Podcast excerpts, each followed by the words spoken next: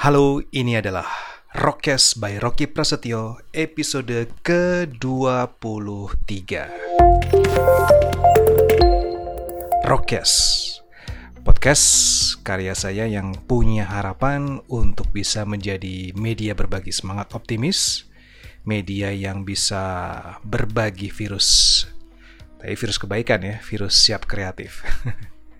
Oke, masih dalam tantangan 30 hari bersuara dari komunitas The Podcaster Indonesia.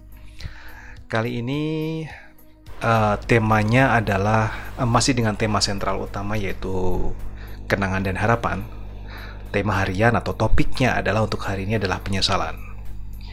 Saya akan coba kaitkan dengan mungkin satu artikel dan juga satu buku yang menjadi landasan ketika saya ingin berbagi terkait dengan penyesalan Jelas penyesalan ini adalah hal yang sudah menjadi hal yang wajar bagi para bedes-bedes atau homo sapiens atau manusia begitu ya ketika menanggapi dengan nalar bias kognitif yang paling cepat.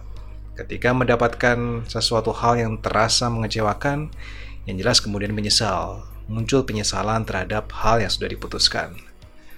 Nah, kalau berbicara mengenai hal itu, saya jadi teringat bahwa ketika saya mencoba untuk merecovery atau merefresh merefresh atau merubah mindset saya tentang pandangan melihat dunia dan mencoba untuk memperbaiki nalar gitu ya. Dan itu sekarang masih saya belajar juga bahwa penyesalan adalah hal yang sudah menjadi hal pasti dirasa bahwa itu tidak penting. Memang berat sekali untuk tidak menyesal begitu ya. Apalagi jika kita kembali untuk berpikir tentang dengan uh, sebuah kata-kata atau mungkin apa istilahnya adalah ada gium gitu ada sebuah pepatah carpe diem yaitu raihlah harimu gitu ya.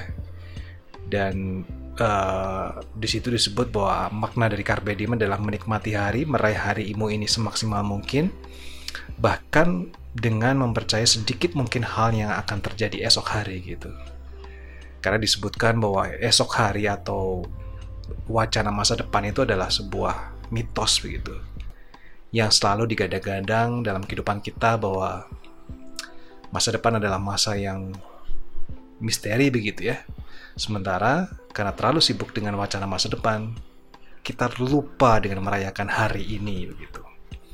Nah, penyesalan adalah kalau buat saya terkait itu adalah mungkin sudah semaksimal mungkin kita harus uh, mencoba untuk melupakan kata sesal itu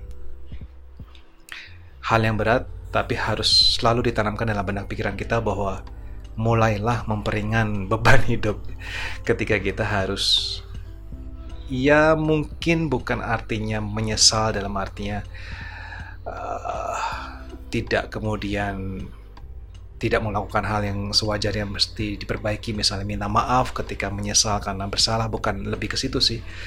Uh, konteksnya adalah menyesal ketika kita memutuskan sesuatu ketika sudah menghadapi takdir, menghadapi keadaan, kemudian kita flashback, evaluasi, kemudian langkahnya harusnya bukannya switch on off untuk lebih baik lagi, tapi terkadang pemikiran kita yang paling cepat, bias kognitif kita menyebutkan bahwa kamu harus menyesal. Nah, itu justru akan melemahkan kekuatan kita, kekuatan berpikir kita, sehingga yang terjadi adalah adalah ya bisa jadi stres gitu ya. Bisa jadi alih-alih justru malah berpikir mengenai sesuatu yang damai sesuatu batin yang tenang gitu ya. Yang artinya dengan apa uh, berpikir tentang manfaat yang bisa kita dapatkan tapi justru lah uh, hal menyesal yang terlalu penuh kita pikirkan. Sekali lagi saya jadi ingat bahwa penyesalan adalah hal yang di luar kendali kita Eh, keputusan yang sudah membuahkan hasil, hasil itu adalah di luar kendali kita. Sehingga ketika penyesalan itu muncul, apa yang bisa kita lakukan adalah memperbaiki nalar kita, merefresh pemikiran kita, mengingatkan kembali kepada kita bahwa hari ini jelas jangan disesalkan. Apa yang sudah diputuskan raihlah semaksimal mungkin. Bermanfaatlah pada hari ini Oke, itu saja untuk topik hari ini tentang penyesalan.